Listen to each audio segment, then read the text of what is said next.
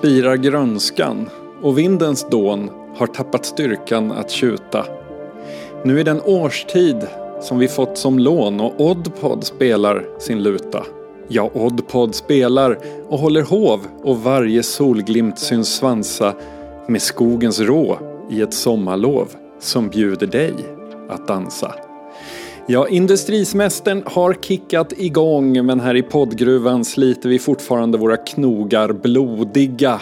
Det är avsnitt 313 av Obiter Dictum.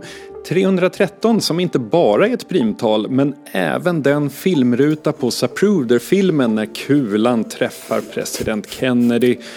Och vi som står här på den grästäckta kullen redo för hot takes är som vanligt jag som heter Bill Rimgard och number one Tobias Nordström. Hallå där. För 12 år sedan när vi startade den här podden så trodde jag nog att om den här podden håller på i 12 år så kommer vi prata mycket mer om Zapruder-filmen än vad vi faktiskt har gjort. Det, eh, det hade varit en, ett helt giltigt antagande. Är det världens mest kända hemmavideo? det lär det väl vara va? Eller nej, jag tänker att eh, sådana här eh, memes som slaskar runt kanske är mer kända faktiskt. Fast inte lika omdiskuterade. Nej, eh, så, så, är det nog. Eh, det är ju en, en grov film ändå. Att det, alltså så här, kan det vara den, det filmklippet där en människa mördas som folk har tittat på mest obekymrat? Mm, det tror jag. Jag tror att man är helt tror att man kall. är helt kall och, och bara känner ingenting. Helt empatilös inför det som händer. Istället om man liksom stegar fram frame för frame för att hitta vad som inte stämmer. Jag, menar, alltså, jag kommer ihåg när jag gick på högstadiet. Då var det ju en grej med att man hängde i datasalen eftersom att i datasalen så fanns det internet och hemma så kostade det pengar per minut att vara på internet. Eh, så då fick man liksom passa på att göra allt det där som man liksom inte kunde göra hemma. Och då var ju liksom massa så här hemskheter som lockade ute på internet en, en, en hård valuta på något sätt. Alltså mm. folk hade sett sjuka klipp och annat. Eh, och då minns jag att då fanns det en sekvens som var väldigt omskakande, som ju bara var liksom shock value, eh, där en soldat skar halsen av en krigsfånge. Eh, och jag minns att det där tittade man på och sen liksom mådde man lite illa och blev liksom nästan lite yr över eh, så här, känslan av sig, shit var det där på riktigt eh, och så vidare. Mm. Eh, men Zapruder-filmen är ju liksom exakt lika hemskt på ett sätt, men den var ju ett, en axelryckning, trots att liksom eh, hans fru liksom klättrar på skuffen eh, och försöker plocka ihop bitar av Kennedys huvud så är det ju liksom bara en, ett, ett bevis på något sätt. Det är liksom ett bevismaterial bland, bland många andra. Ja, verkligen. Kennedy-mordet är jag inte så... Jag har inte läst någonting alls. Jag, jag tror att Kennedy kanske, Kennedy-mordet är lite som Springsteen för mig. Eh, det är alla andras och därför så kommer det aldrig vara mitt.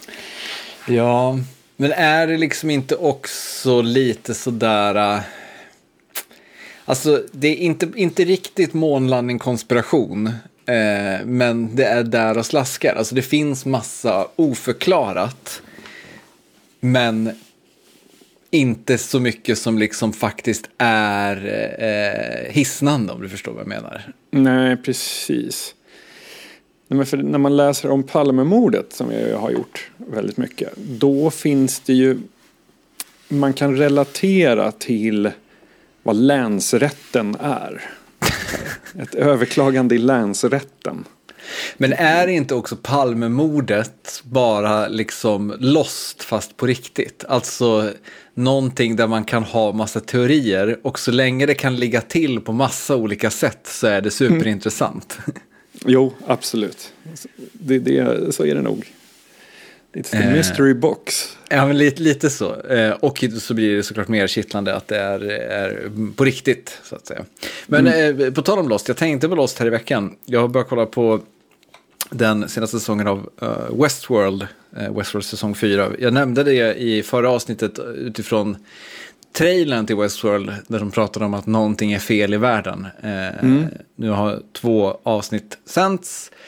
Eh, och det är väl ganska okej okay, tycker jag. Men jag reagerade på en sak eh, som, som, som, eh, som finns i den nya säsongen. Ehm, det här är, i, det, det är liksom... För de, den som absolut inte vill höra någonting så är det här en spoiler, men det är ingen spoiler för det, jag kommer inte avslöja någonting av handlingen överhuvudtaget. Men i den nya säsongen så spelar flugor en, en, eh, viss roll, eh, en ganska avgörande roll. Och de, den som minns det första avsnittet av Westworld minns att eh, flugor figurerade även där. Då framförallt som, vad heter det, dels en illustration över att de här hostsen, alltså robotarna i Westworld, inte är människor. I och med att flugor kryper över ögonen på dem, alltså på, på själva liksom iris. Eh, utan att de här då, robotarna reagerar typ. Eh, och sen så är det då själva grejen är att i slutet på första avsnittet då så eh, står eh, karaktären Dolores och blickar ut över steppen i, i Westworld och så kryper en fluga på hennes arm tror jag det är. Och så bara slår hon till flugan. Och då inser man på något sätt att så här, den här roboten som inte kan skada någonting kan helt plötsligt döda en fluga. Vad kan den mer göra? Wow, och så vidare. Och nu då så är liksom så här, flugorna tillbaka i, eh, i säsong fyra med, en, med liksom en, en lite annan funktion. Men, men de återkommer i, i handlingen eh, som, som illustration på, på eh, lite olika saker. Och då tänkte, tänkte jag liksom så direkt så blev jag så stolt över att jag mindes det ögonblicket när, när Dolores slår ihjäl flugan. Och sen så slog det mig att, fast vänta här nu, det är exakt så de har tänkt i manusrummet också. Alltså mm. att, i, så att ett problem med modernt tv-berättande är att eh, det är, alltså så här, smartheten förtas när man inser att, när de satt och skrev säsong fyra, då eh, fick manusgruppen i läxa att se om säsong ett. Vad kan vi ta tillbaka från säsong ett som får det att se ut som att så, det här är någonting vi har tänkt på hela tiden. Mm. Eh, när det liksom garanterat inte var så att så här, vi planterar, när de, när de pitchade serien så satt liksom eh, Jonathan Nolan och Lisa Joy, de satt inte och tänkte, vi planterar flugor i avsnitt ett och sen i säsong fyra så låter vi dem komma tillbaka och ha en ny betydelse i handlingen. eh, och då, det, det, är, så här, är det bara jag eller dör den här typen av liksom smartheter lite grann när de bara är konstruerade för att vara smartheter? Eller så här, det är de ju också om du kommer på dem från början. Men då är det som att det är gjort med eftertanke och kärlek på något sätt, inte bara liksom retconnat på något plan. Fast jag, tänk, ja, fast jag tänker så här, om man släpper en bok eh, så liksom planteringar och callbacks och sånt inom eh, romanens väggar, så att säga. De är ju uttänkta från början. Eh, sen går det några år och då så kommer en uppföljare som kanske är en prequel till och med. Eh, och så tar man någon av sån där grej, en fluga eller någonting och bygger vidare på den.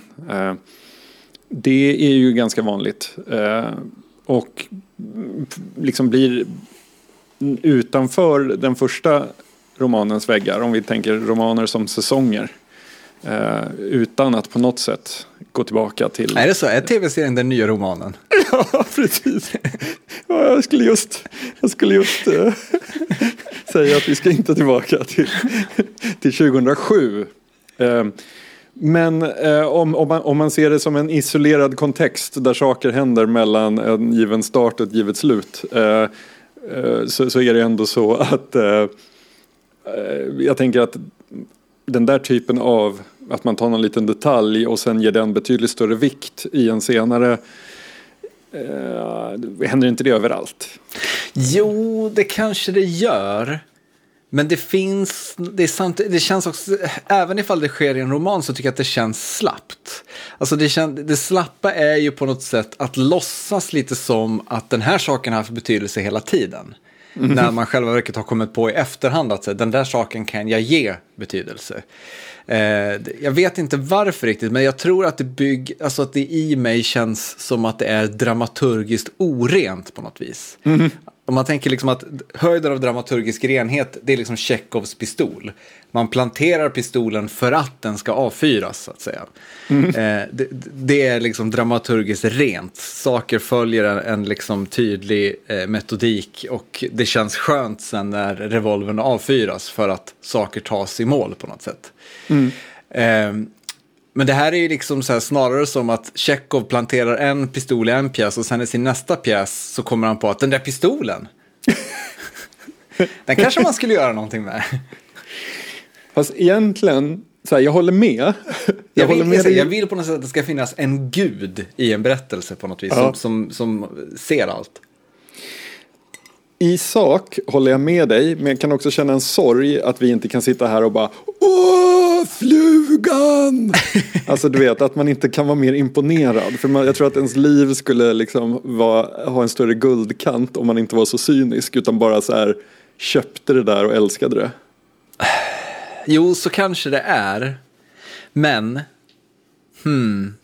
Men, men så här, det, det, det, är ju liksom så, jag kan ju också ha fel. De kan ju såklart ha tänkt ut att flugorna kommer att eh, komma tillbaka på något sätt. Men, men det finns någonting i Alltså så här, man känner, och så här, om någonting dyker upp som man tänker har haft den här betydelsen hela tiden, när någonting plötsligt förklaras eller faller på plats, den känslan är ju liksom, eh, otroligt oemotståndlig. Det är ju en, när, när saker i en handling klickar och faller på plats är ju en, bland det mest tillfredsställande som finns när man tar del av populärkultur. Och det är det som gör att det också känns billigt när man ser att någon försöker göra det, alltså framkalla den grejen. Man får liksom inte se trådarna på något sätt.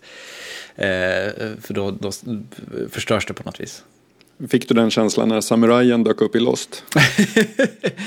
Nej, det är...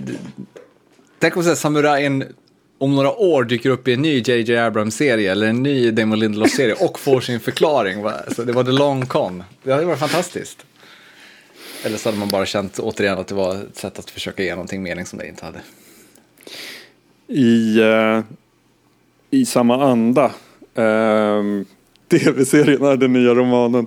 Nej, eh, men i den andan så måste jag bara säga att jag är omåttligt peppad för eh, nyheten som jag trodde kom i eh, veckan. Men som när jag googlade den här för att bara eh, säga att det, det är en artikel som har tidsstämpel i maj. Men då skiter jag i det. Eh, jag struntar fullständigt om det är två månader gammalt.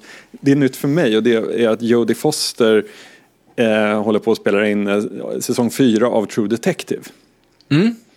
Och det är jag sjukt, sjukt peppad på. Jodie Foster i Alaska. Vad kan bli dåligt? Nej, det, det, det blir väl toppen, men det är väl också lite, för visst är väl, eh, vad heter han nu, Pizzalara, eller vad heter han? Nick Pizzo Pizzolato. Ja, eh, han är inte involverad nu va? Nej, han har blivit avhyvlad. Ja, eh, för det, det, det, var ju så, det var ju så, det var ju så spännande med True Detective. Alltså, kommer du ihåg hur trollbunden man var första säsongen? Mm. Och hur otroligt besviken man var på den andra säsongen. Mm. Eh, Trean var jag, bra dock. Trean var okej, okay, skulle jag säga. Eh, mm. det, det, det, den var definitivt bättre än den andra säsongen, men, men det, det, det, det nådde liksom aldrig tillbaka till de där höjderna riktigt. Och, och ärlighetens namn så tror jag inte att säsong ett heller har åldrats särskilt väl. Nej, och dessutom så kom det ju fram att mycket av det var lyft från den här eh, skräckförfattaren som vi, vi läste någon novell av honom för att se hur mycket som var lyft och vi eh, kommer inte ens ihåg hans namn nu. Men vi kommer ihåg Nick Pizzolatto. Det är ja. så, man kommer alltid ihåg skytten, man minns aldrig offren. så är det. Eh, ja, men, men så att, jag, jag, det, det blir jättekul. Det är väl också lite så här är inte det här bara, eh, fan nu blir jag cynisk igen, men, men är inte det här bara ett sätt att klä en crime, ny crime-serie i en bekant skrud på något sätt? Jo, kanske. Jag menar så här, True Detective är ju liksom ett namn som egentligen inte förpliktigar överhuvudtaget. Man kan ju göra i princip vad som, det, måste, det behöver handla om en polis på något sätt, eller flera poliser på något sätt. Annars så kan man göra nästan vad man vill med True Detective-namnet. Ja, jo. För all del. Och äh, det, i den, vad ska man säga, noir-känslan, eller vad man ska säga, äh, som den var i. Eh, där kan man ju placera ganska många eh, olika serier. Det behöver ju inte vara en True Detective för att få det här mörka. Nej, absolut liksom. inte.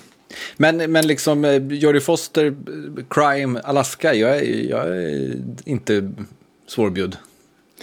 Men Lus, eh, vi, jag har läst en grej här alldeles nyligen. Eh, när vi gick i mål med noir-cirkeln eh, så kände jag att jag var klar, men jag var ändå inte helt klar. Um, och så började försommaren, det blev vår, försommar och det som hände med mig på våren och försommaren är att jag började lyssna på mycket americana. Eh, uh, Alternativ-countryn kommer fram. Uh, det blir lite Jason Isbell, uh, sådana saker. Man hamnar i ett mode som funkar väldigt bra för grusvägar och sånt. Och då så begav jag mig in i genren country noir. Eh, som jag skulle säga True Detective säsong 1 väldigt mycket är i.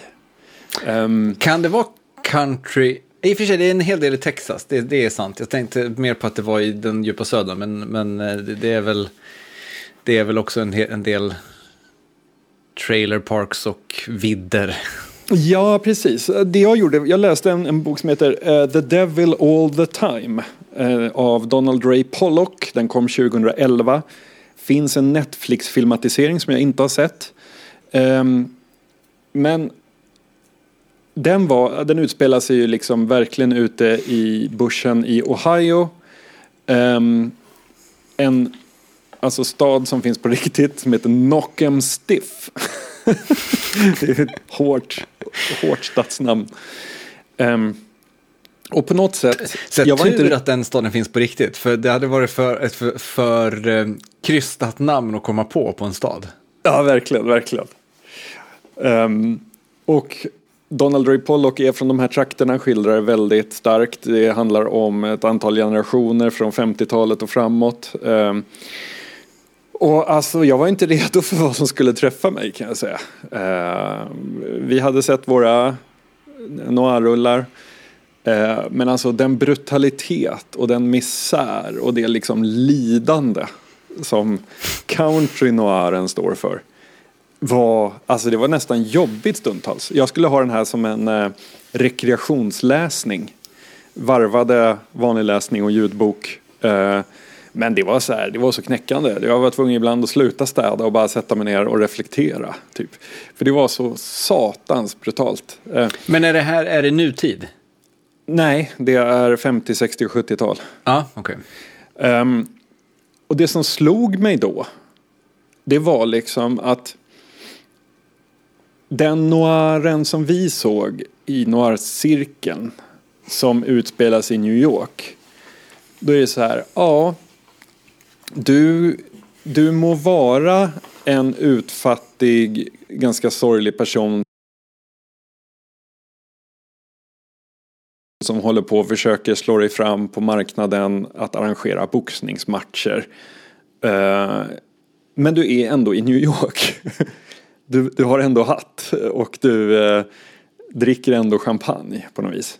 Eh, när man flyttar liksom samma, exakt samma teman och exakt samma liksom, karaktärer och exakt samma stämning men lägger det ute i obygden där det bara är fattigt och det inte finns någon framtid överhuvudtaget. Du kan inte lyckas liksom.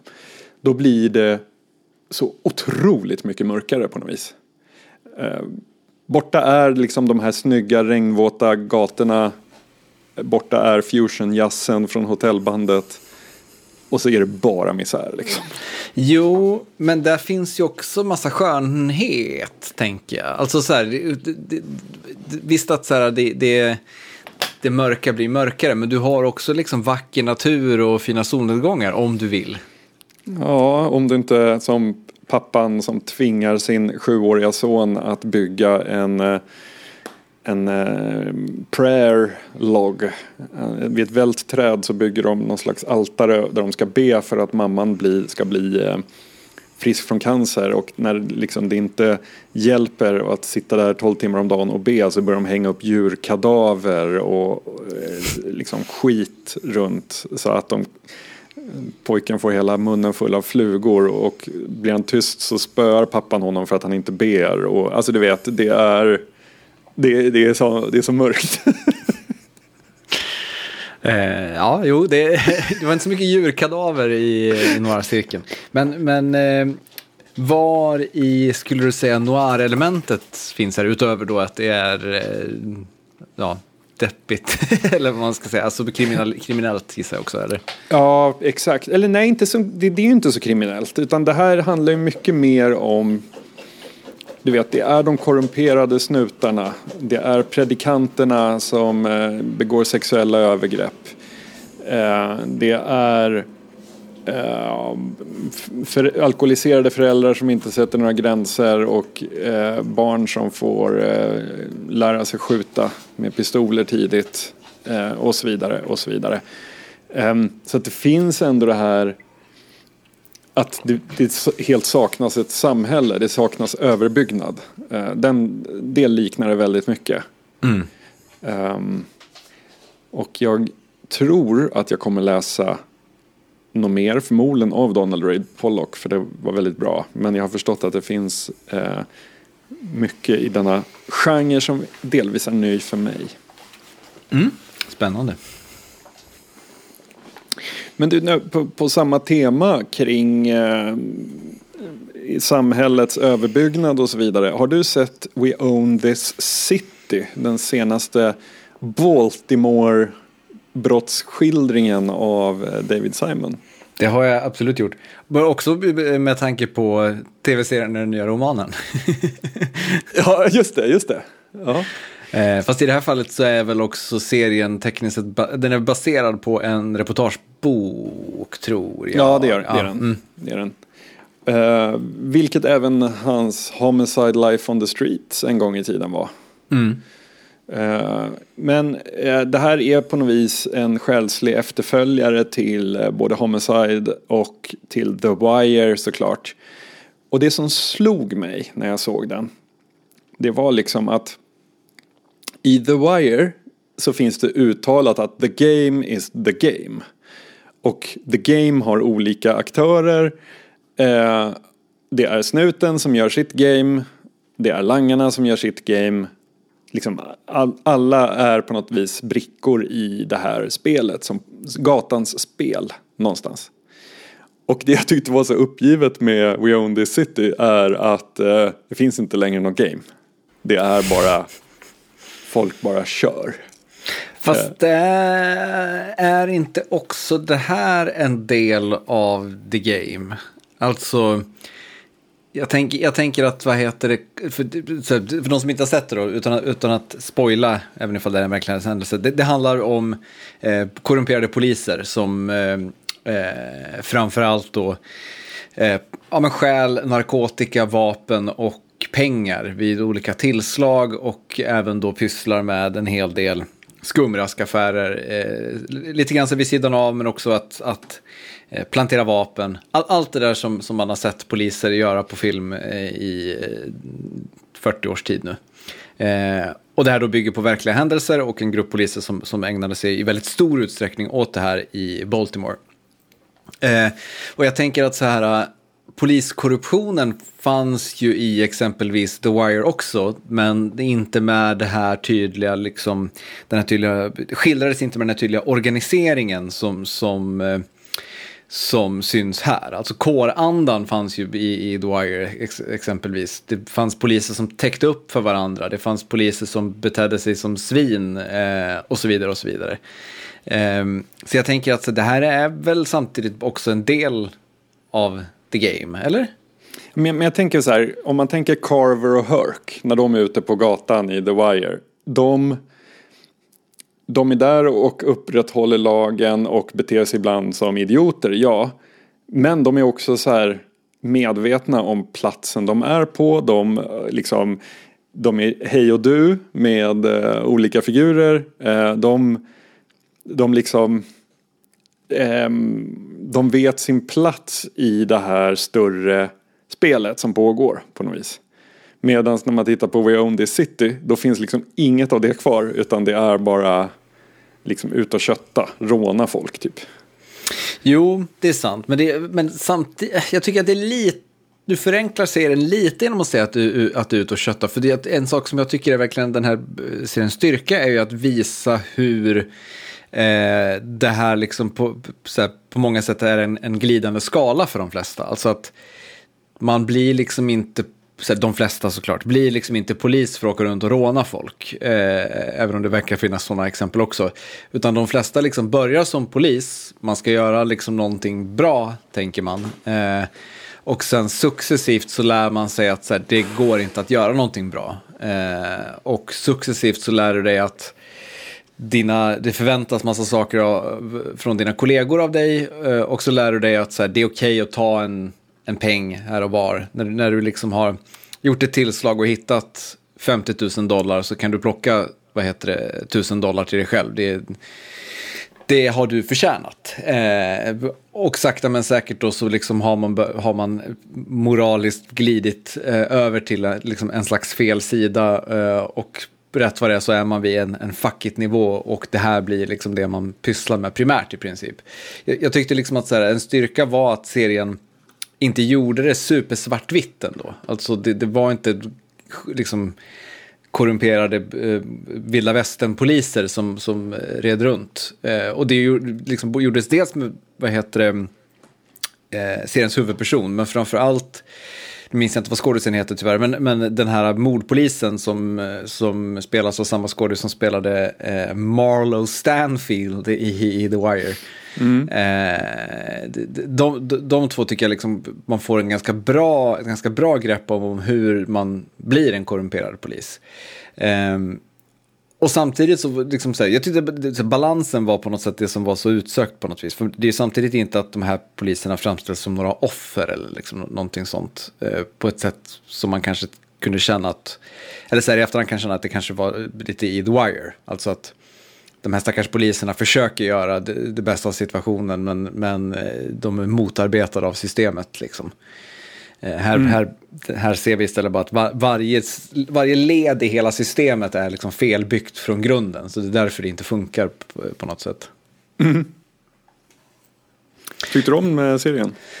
Eh, jag tyckte att den var bra. Jag tyckte, jag tyckte att den var jättebra. Jag tyckte att den var, kanske var lite duktig om du förstår vad jag menar.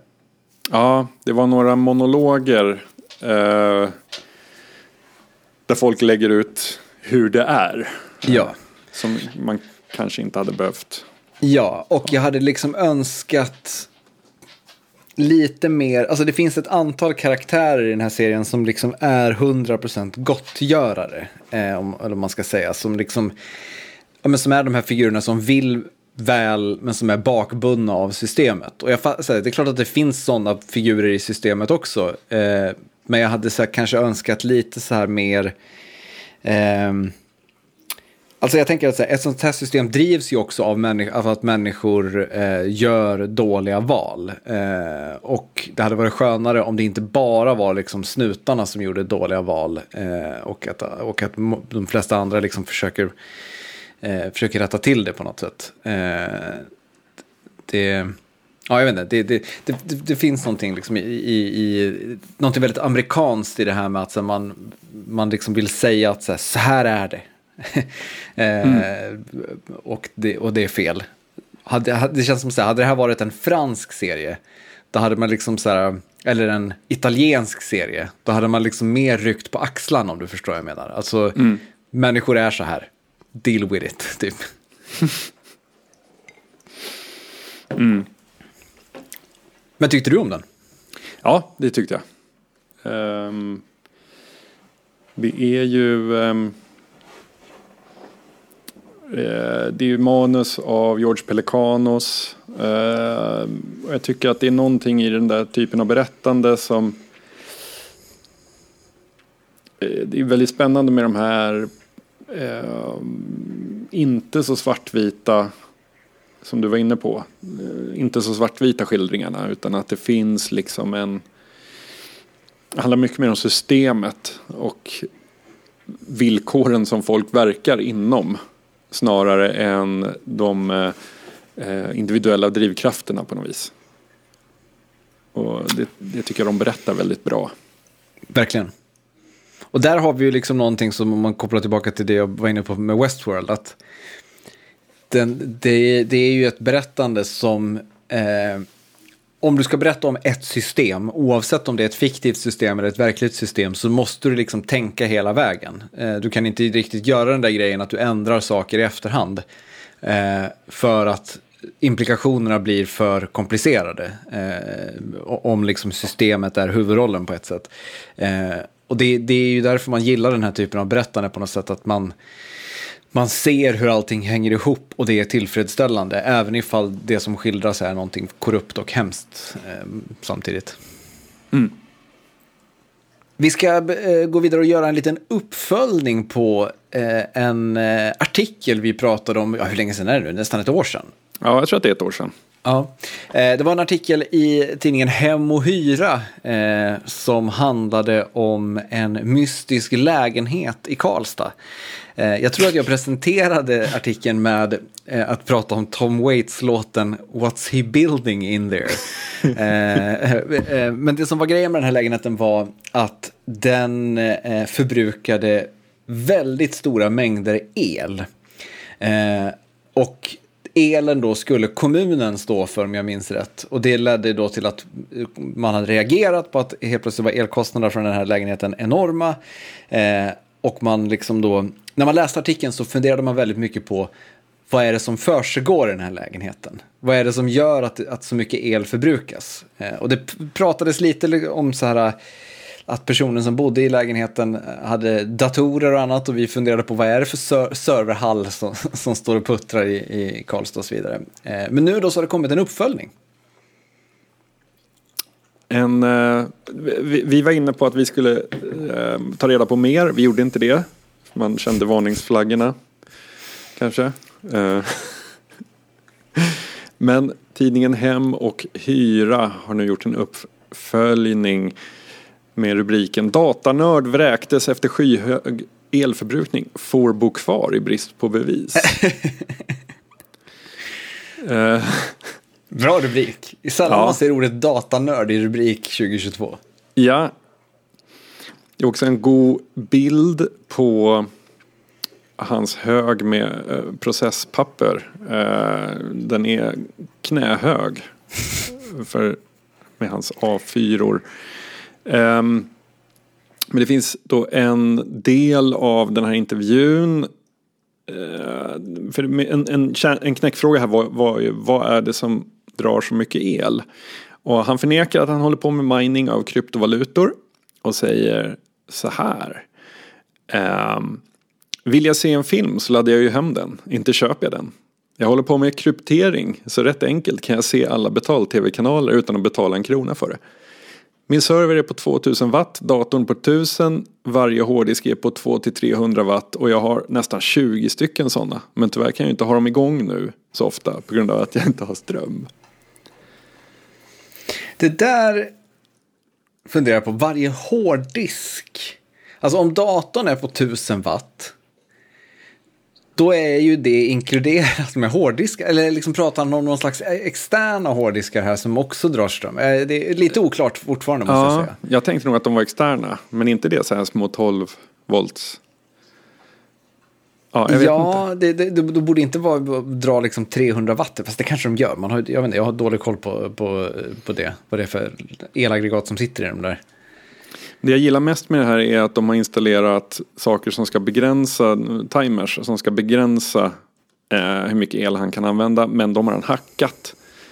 Eh, så han har maxat dem på 999 minuter istället för 10. Men det här är väl en klassisk rättshaverist vi ser här, eller? Det tror jag.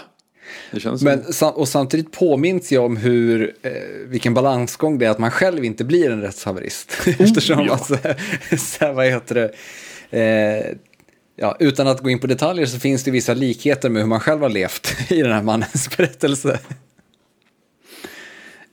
Eller hur Eller hur? du? Ja, ja, ja, alltså man är ju bara man är, man är ju bara eh, vad Man är bara de- 20 stycken externa hårddiskar från. ja, precis, precis. Men man är på det där stället som i countryn sjunger, eh, brukar heta att det där stället som man bara hittar till om man gör, svänger fel tillräckligt många gånger. ja. Och man är inte så många felsvängar bort från att sitta där med 20 hårddiskar som man inte kan strömförsörja. Ja, Men jag måste säga att det man ser i den här, eh, vad heter det, eh, bilderna och klippet från den här mannens lägenhet så är jag fortfarande liksom lite fundersam i hur han kom upp i de här enorma mängderna el. För jag menar så här, jag har min dator på dygnet runt. Eh, jag laddar lite mobiler, jag har en, en spelkonsol som är igång ibland. Jag, menar så här, jag tror att jag är över medel när det kommer till elkonsumtion. Men jag är ju liksom långt, långt, långt, långt, långt ifrån den här personen. Och det han beskriver att han har är ju liksom i min värld i alla fall inte i paritet med de här enorma eh, elmängderna han gör av med. Så jag tycker nästan mysteriet finns kvar här på något sätt. ja precis. Ja, i, I ursprungsartikeln så var det tal om något värmeelement som stod på en inglasad balkong också. Jag tänker att det måste ju ensamt dra mer än all datorutrustning. För jag menar, Oh ja. det, det värsta man kan starta i sin, sin lägenhet är väl typ dammsugaren eller hårtorken. Eller tvättmaskinen om man har en sån. Eh, Det är väl det som, alltså sådana saker krämar väl på el jättemycket. Våra elektronikprylar, alltså jag menar jag har ju hela, om man tänker min studio, den drar inte mycket el. Och då är det ändå liksom, per, alltså prylar är det ju många. Liksom. Ja. Det, han beskriver ju också lite grann mörka delar av sitt liv, men jag tycker att den här eh, slutklämmen på den här artikeln ha, är ändå otrolig. Det, är alltså då ett, det slutar med ett citat där han konstaterar att han har för lite el. Eh, och då säger mannen så här. Jag vill veta om man verkligen ska leva med två ampere. Ja. det är fantastiskt.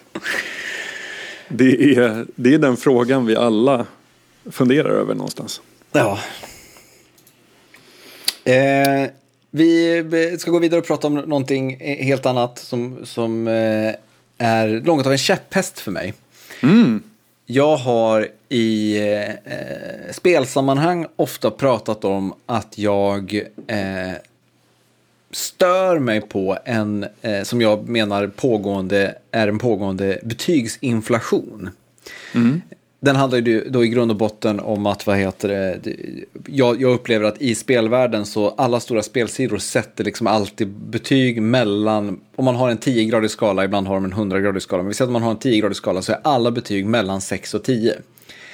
Eh, man liksom unnar sig att gå ner runt 5-4 om det är liksom en supersågning. Eh, och så har vi då pratat vidare om att det här, du, du introducerade mig för begreppet eh, 3 plus-samhället eh, från eh, podden En varg söker sin podd. Eh, och att det hänger ihop med det här. Men i veckan då på sociala medier så snurrade en bild, eh, eller snarare en graf, som jag eh, fastnade för. Och det är en kartläggning över snittbetyget eh, för var- eh, på sidan Rotten Tomatoes för varje år som går. Och det här är då från slutet av 90-talet fram tills eh, 2020. Och då ser man tydligt att framförallt efter 2010 så har en eh, enorm eh, ökning ägt rum. Eh, man kan säga att så här, mellan eh, någon gång i slutet på 90-talet och 2010 så ligger det strax runt 50 procent. Det rör sig upp mot 55, det är ibland eh, någon gång, framförallt tror jag 2001, under 50 procent. Men det ligger runt 50 procent av 100 då i, i Rotten Tomatoes betygssättning. Eh, Rotten Tomatoes så ska sägas, det är ju en, en sån här recensionsaggregator som eh, handlar om film och som helt enkelt då eh, summerar vad olika kritiker i USA har tyckt om filmen och sen eh, sätter ett siffervärde på det. Oft, oftast så är ju liksom att amerikanska filmrecensioner inte har ett, ett regelrätt betyg och då tar Rotten Tomatoes helt enkelt på sig att, eh, vad heter det, Eh, omvandla kritiken till ett, ett, eh, sifferbetyg. Eh, men sen då efter 2010 så puttrar det på eh, under några år, fortfarande runt, runt 55 och sen smäller det till och så sticker det efter 2015 rakt upp till över 60. Bort mot 65 procent. Det är alltså en ökning då med eh, 10 pinnhål i den här eh, betygsskalan. Det här kan ju då vara så enkelt att Rotten Tomatoes har liksom ändrat hur man värderar de här betygen. Det vore ju det, det, det men om vi, om vi liksom för for the sake of argument säger att det är inte det som har hänt här. Det är inte att mm. Rotten Tomatoes har ändrat rutinerna utan någonting har hänt i vad folk tycker om, om film. Som, så menar jag att den här betygsinflationen jag har sett hända i spelvärlden kanske är någonting som sker i kulturvärlden i stort.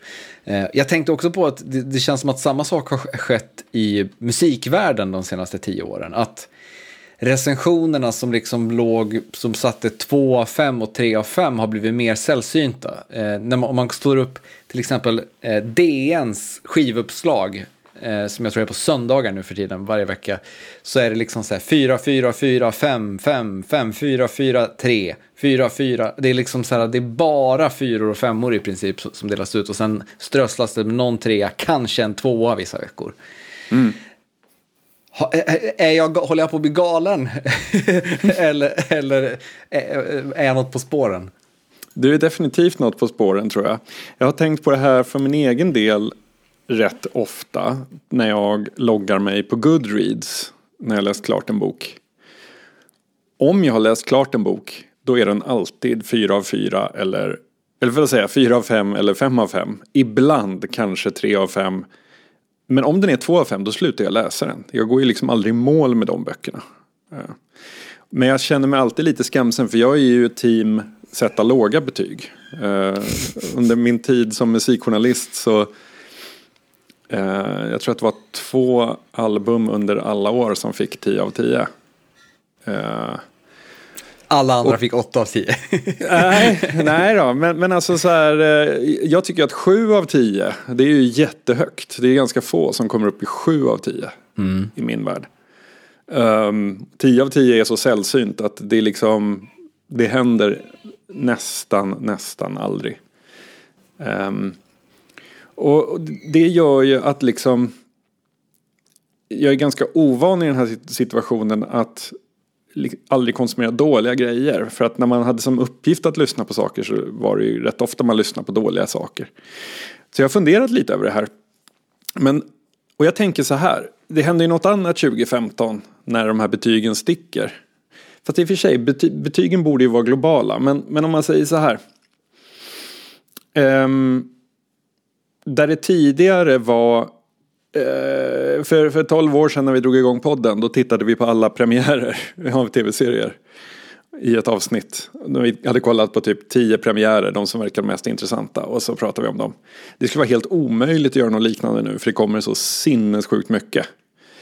Um, och så har det ju alltid varit någonstans med musik. Att så här, eh, när, när Sonic kom med ett nytt nummer och skulle recensera, jag vet inte, hur många recensioner kan det ha varit per eh, nummer? 25 kanske? Ja, typ. Um, samtidigt, under den perioden så kanske det släpptes liksom 15 000 album. Eh, om man var tvungen att välja 25.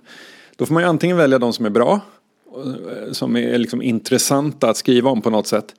Eller de som man har höga förväntningar på men som är riktiga bottennapp. Jaha, Weezers 17 album, 4 av 10. Det här var inget vidare. Därför att det är ändå intressant när det är Weezer på något sätt. Um, men liksom, att hitta dåliga grejer är ju inte svårt. Men jag tänker att folk i mycket större utsträckning och, och folk alltifrån privatpersoner som jag som väljer vad jag ska läsa till redaktören för DNs skivsidor.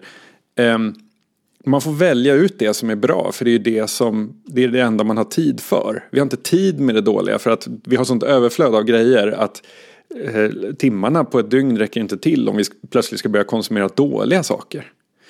Och det som jag tänker att din beef med spelbetygen eh, tror jag kanske bottnar i något annat.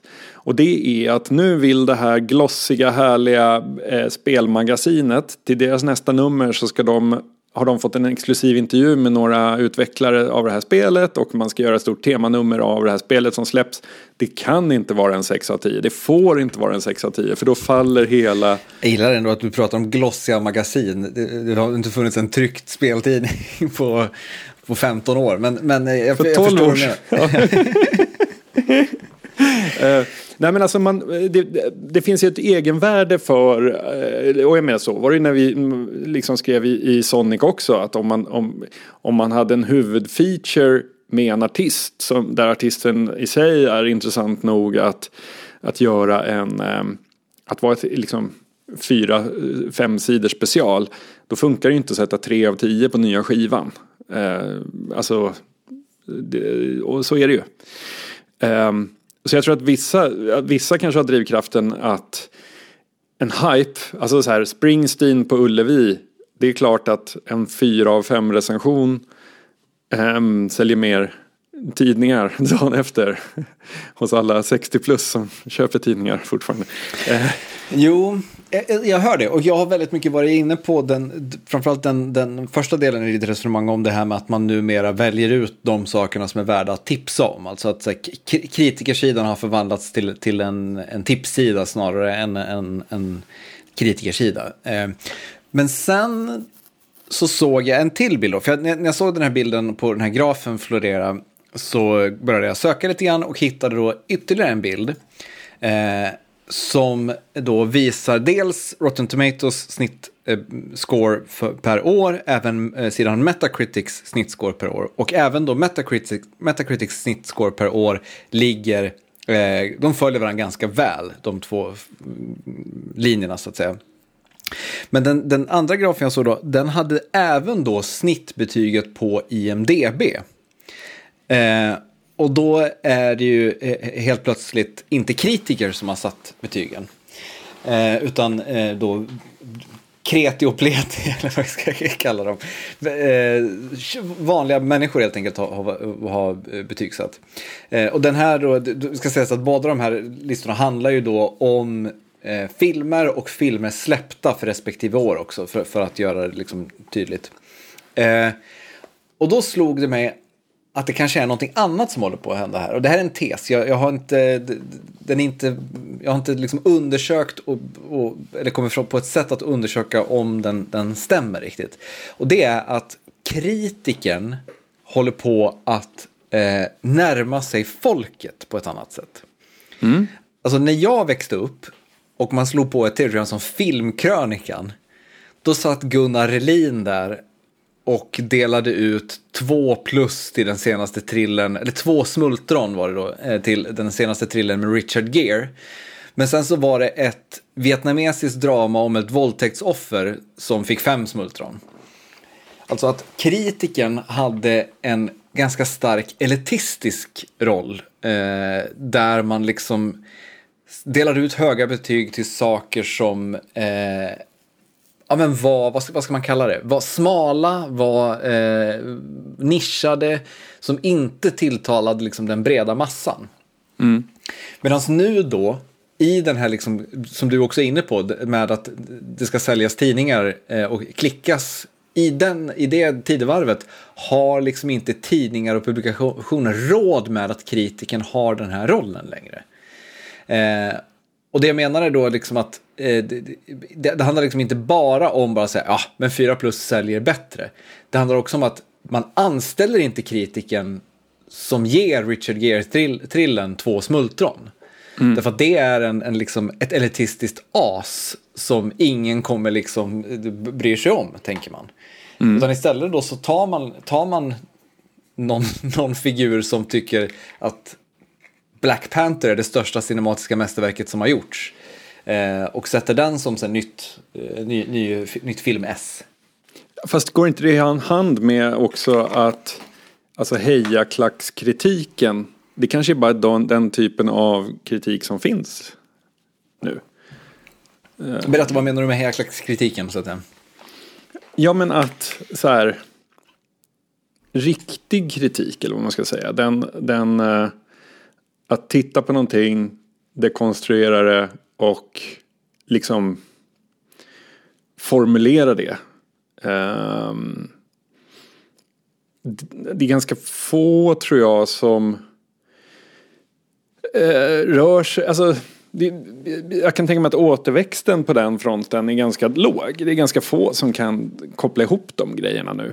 Och framförallt så finns det ingen, vad ska man säga, eh, i en värld där den hejaklacken finns på andra ställen. Eh, så här, var, om, jag gillar, om jag gillar superhjältefilmer, varför ska jag titta på, lyssna på någon trött grej i P1 om jag kan följa Kevin Smith på Instagram? Eh, det är liksom det, det eh, jag gör ju det enkla valet där och väljer Kevin Smith. Medans om eh, man anställer någon på P1 som kan bli lika uppspelt för superhjältefilmen. Ehm, då kanske jag liksom knyter mig närmare P1 i min eh, hur jag identifierar mig med saker. Mm. Det är, det är, precis, så, så, tänker jag också. Men jag, känner du som jag att någonting går förlorat då? Ja, men så här, jag kan tycka... Blir vi liksom inte alla Mattias Kling, hårdrocksrecensenten, som det allting bara så här allting bara är bra. Ja. För det, det, var, det var ju så här ett, ett, upplevde jag i alla fall det som ett liksom, internt skämt bland musikkritiker när man var musikkritiker, att de som recenserade metal, de bara så här, nöjde sig. Där var det liksom femma på femma på femma för det var, det var en ny härlig skiva från det här goa metalbandet från Tyskland. Liksom. Ja, verkligen. Jo, så, så, så eh, ehm, är det ju. Men, men jag tycker så här, det problematiska är väl så här. Jag har ju fått feedback ganska mycket från vår podd. Att jag alltid är så skeptisk och sur och inte liksom går igång på grejer. Så här. Uh, och, och, Någon har beskrivit dina största styrkor helt enkelt. Ja, men, men liksom, jag tycker ju att det är en styrka att inte sitta och vara så imponerad hela tiden. Oh, har du sett nya Thor-trailern? Oh, 80-talsestetik. Så jävla coolt. Alltså, så här, jag, tycker, jag tycker det är hälsosamt att, um, uh, att vara där. Sen så har jag precis ägnat tre kvällar åt att liksom sträckkolla igenom Winning Time på HBO. En fantastisk serie som jag är helt lyrisk över. Vi, skulle kunna prata eh, så här. Jag känner mig helt eh, eh, liksom glödd inombords och vill grotta ner mig i NBA-historia. Liksom. Eh, så. så jag blir definitivt jätteimponerad och jättebesatt och bara så här uppslukad av kultur. Men jag blir, alltså så här, det, jag tycker inte att eh, man bör gå igång på en trailer eller någonting sånt med, med just en hejaklacks eh, liksom infallsvinkel. Jag tycker man ska vara skeptisk, eh, nyktert skeptisk eh, till motsatsen har bevisat på, på något sätt. Eh, däremot så Nej, förstår men vänta, jag... Men så, jag vill ja. flika in en sak där. Det, det jag ändå känner är viktigt där, att så det är ju inte att man så här hatar Thor eller tycker att 80-talsestetik är någonting värdelöst. Utan det som är grejen till, jag kanske inte talar för dig, men jag talar för mig åtminstone. Det som är anledningen att man inte blir lyrisk är ju att alla de här sakerna som man upplever att så många går igång på är exakt samma sak överallt hela tiden. Just det. Um, så att jag, det jag menar är på något sätt att så här, och det, jag tänker att det är lite samma sak med, med så här, serietidnings eh, superhjältefilmerna och Kevin Smith. Alltså att jag är inte kapabel att liksom fortsätta vara lyrisk när, det är, när jag äter liksom samma skål flingor varje gång jag tittar på en film. så att säga. Eh, utan för det, det händer ingenting i mig då. När jag, när jag känner bara så här, ja, ja, ja, det här, det här har jag sett. Yes, där kommer Luke Skywalker jättekul. Eh, och det, och det, det, jag tänker att det, det, var exakt det Gunnar Elin kände när han satte två plus på en Richard Gere-thriller. Att så här, ja, ja, ja. Sådana här amerikanska eh, thrillers ser jag liksom tre i månaden. Det, det, det, är, det är samma sak igen. Eh, och, det, och det är det som på något sätt, det känns som att recensenter idag inte reflekterar över på något sätt. Mm. Utan man liksom så här ser bara till hantverket, man ser inte till någon slags kontext. Man ser liksom Stranger Things säsong 4, yes! Kanonspännande, superintressant. Kate Bush, den hade ni inte hört på ett tag. Vilken briljant användning av eh, Master of Puppets av Metallica. Och man bara så här, vad, vad, pratar ni om? Det är det här vi har levt i i 15 år nu. Att så här, man gräver fram någon 80-talsdänga och slänger på. Alltså det, det, är liksom så här, det var lite kul när Sofia Coppola gjorde det i liksom Marie Antoinette. Men nu har vi gjort det här. Vi, vi, vi kan det här. Och du frågade om någonting går förlorat så kan jag känna så här att ett problem har ju dock varit att när man, vad ska man säga, om, om vi säger att det finns en, en högkultur som är eh, liksom Dramaten, eh, Nobelpristagare och, och liknande. Och så finns det en, en, en fulkultur som är Thor. Ehm, men så finns det ju liksom det här mellanskiktet. Eh, och där tycker jag att vi i Sverige har varit jättedåliga. Förmodligen för att svenskar är jättedåliga på det överhuvudtaget. Men det finns ett mellanskikt av sånt som står lite i båda världar. Michael man kan- Mann typ. Ja, Michael Mann för all del, men jag tänker också typ så här uh, Arrival eller uh, Moon. Alltså det finns uh, fram, kanske extra mycket inom just science fiction och sådana saker. Där det liksom inte är uppenbart att så här, bara för att en grej utspelas i rymden så kanske det inte uppenbarligen är ful kultur. På något vis. Och det var ju vårt incitament till att skapa den här podden en gång i tiden. Att fylla det tomrummet. Att kunna prata om en rymdfilm med liksom vilket djup vi nu kan uppbringa. Även om det kanske inte alltid är liksom svindlande djupt. Så i alla fall kunna prata om det på något annat sätt än wow eller blä. Liksom. Eh, och det där tycker jag ju att vad ska man säga, i en kulturdebatt eh, så, så tycker jag ju att Ehm, det, är väldigt roligt för övrigt, eh, podcasten Löpet eh, som eh, Expressen släpper där man tittar på en, löpsedel och läser den tidningen från den dagen. Det är väldigt, väldigt intressant för när de landar in på kultursidorna, vad kultursidorna då skrev om kontra vad kultursidorna nu skriver om. För kultursidorna då gav blanka fan i vad som hände i övriga samhället. Där var det ju liksom bara den högre, högre kulturen.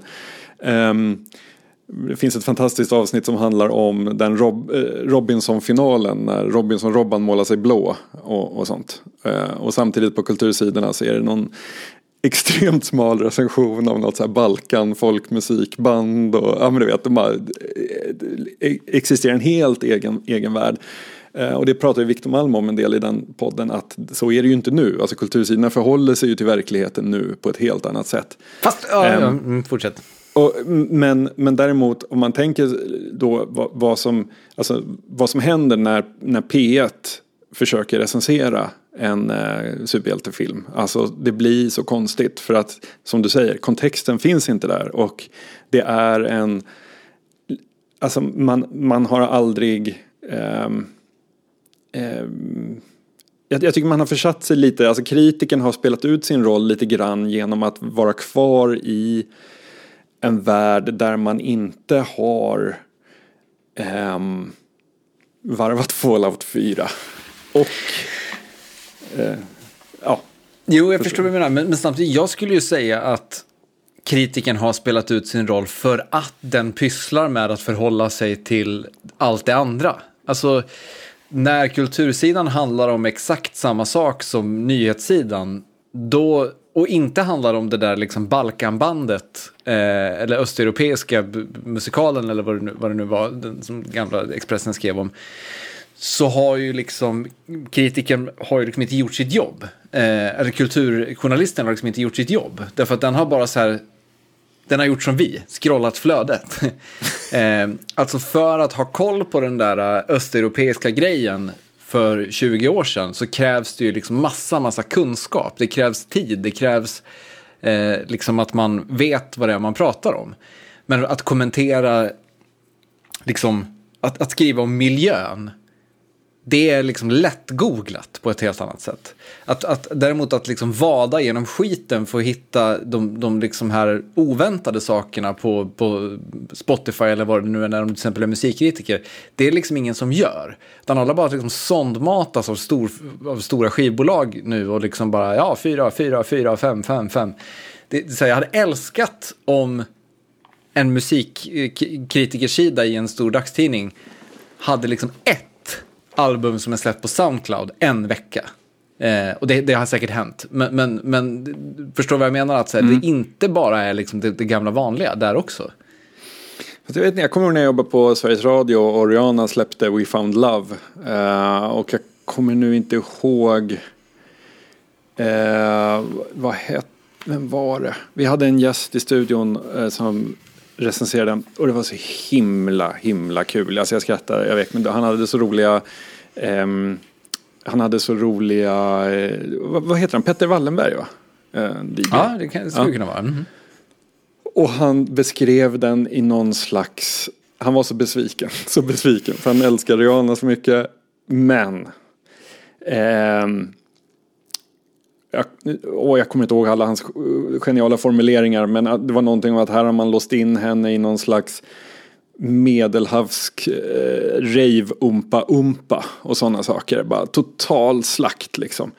Utifrån giltiga liksom eh, ingångsvärden ändå. För att det han gjorde var ju just att liksom se bortom hitten, se bortom eh, det, eh, hur, hur liksom man kunde sjunga med i den och så vidare och se vad är det som faktiskt pågår här. Eh, den är ju proddad av eh, Cal Calvin Harris va? Calvin Harris ja. ja. Um, och det blev ett jävla liv om det där. För då var ju det så här, den var ju A-listad på P3, alla våra lyssnare har ju liksom sett fram emot den här, vi kommer spela den jättemycket, hur kan ni säga det här? Och man bara, men lyssnar ni på vad som sades? Det var ju jättegiltigt. Liksom, för att även i en... Och alltså, informativt. ja, definitivt. Eh, man kan, man kan sjunga med i låten och man kan gilla Rihanna och man kan gilla EDM och eh, liksom alla de tre grejerna är giltiga utgångspunkter för att landa i en sågning av We found love. Någonstans. Eh, och det är den typen av kritik vi behöver. Men det jag tänker när du säger sådär är ju liksom att den som hänger fast vid det där Balkanbandet. Den närmar sig ju inte ens Rihannas We found love. Den, den säger ju att det där existerar i ett universum där jag inte är. Och därför så kommer jag inte låtsas att den existerar. Och jag tror mm. att det är mm. där som liksom kulturkritiken gick bort sig lite grann i att, att så här, såvida man inte driver, alltså det är en sak om man är en, en uh, kulturtidskrift eller uh, man, måste, man måste betrakta det som ett nischintresse någonstans. Uh, och det är väldigt svårt att liksom grotta ner sig i dramaturgi eh, eller så tekniska termer om, om uh, olika saker och tro att man ska få med sig Svensson, för det kommer man inte få. Uh, däremot så kan man ju verka för Ehm, bildandet, eh, spridande av bildandet genom att just dekonstruera We found love eh, och förklara varför det här är en, liksom, ja, förstår du vad jag menar? Jag förstår vad du menar. Och jag tror att så här, jag tror att det finns en gyllene medelväg någonstans mellan eh, våra två ståndpunkter här. Eh, för jag, jag, är helt med på, på det, det, det du beskriver att så här, det finns en, en, typ av alienation i, i det gamla sättet att göra saker också. Eh, alla älskar inte Gunnar Elin. Eh, men samtidigt eh, så liksom så här, i en tid där det inte finns någon Gunnar Elin så saknar jag det ändå på något sätt. Alltså det, det ehm, ja, det, det, det, jag, jag känner att jag, jag, jag, vill ju ha det du beskriver med Petter Wallenberg. Det, det är liksom kunskap och insikt och någon, någon som inte recenserar Rihanna genom att säga yes queen. Eh, utan som faktiskt pratar om vad det är som eh, händer i Rihannas nya låt eller Beyoncés nya låt eller vad det nu är som är jättebrett. Eh, det, det, är det man vill åt på något sätt. Eh, något som, någon som helt enkelt sätter in saker i, i sin kontext.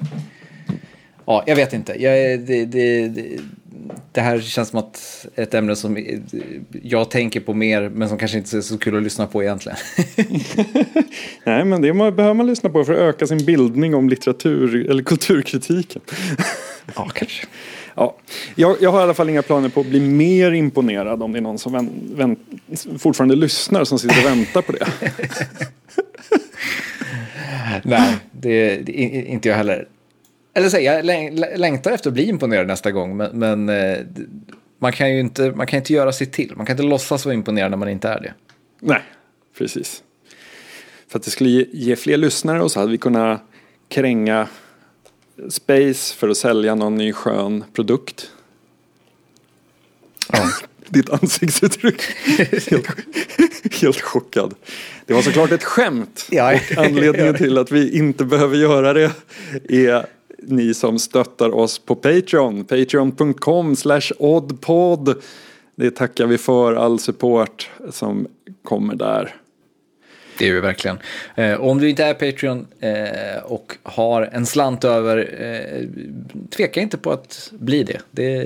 det. uppskattas och det hjälper att hålla den här podden vid liv. Så vi kan sitta här och ranta om, om Gunnar Elin. Får se om vi rantar om om två veckor. Ja, det, jag vet inte vad det, vad det blir, men någonting blir det. Jag har haft ett, ett, ett gräv om att internet är dött nu, i, som har legat och pyrt i två månader känns det som. Eh, kanske är dags för det om två veckor. Jag tror det. Vi har flyttat ner i varje körschema längre och längre ner och sen skjutit på det till nästa program. Eh, jag är redo. Jag är ja. redo för din spaning om att internet är dött. Ja. Om två veckor alltså. Eh, lyssna då och ha det fint tills dess. Ha det bra. Hej då.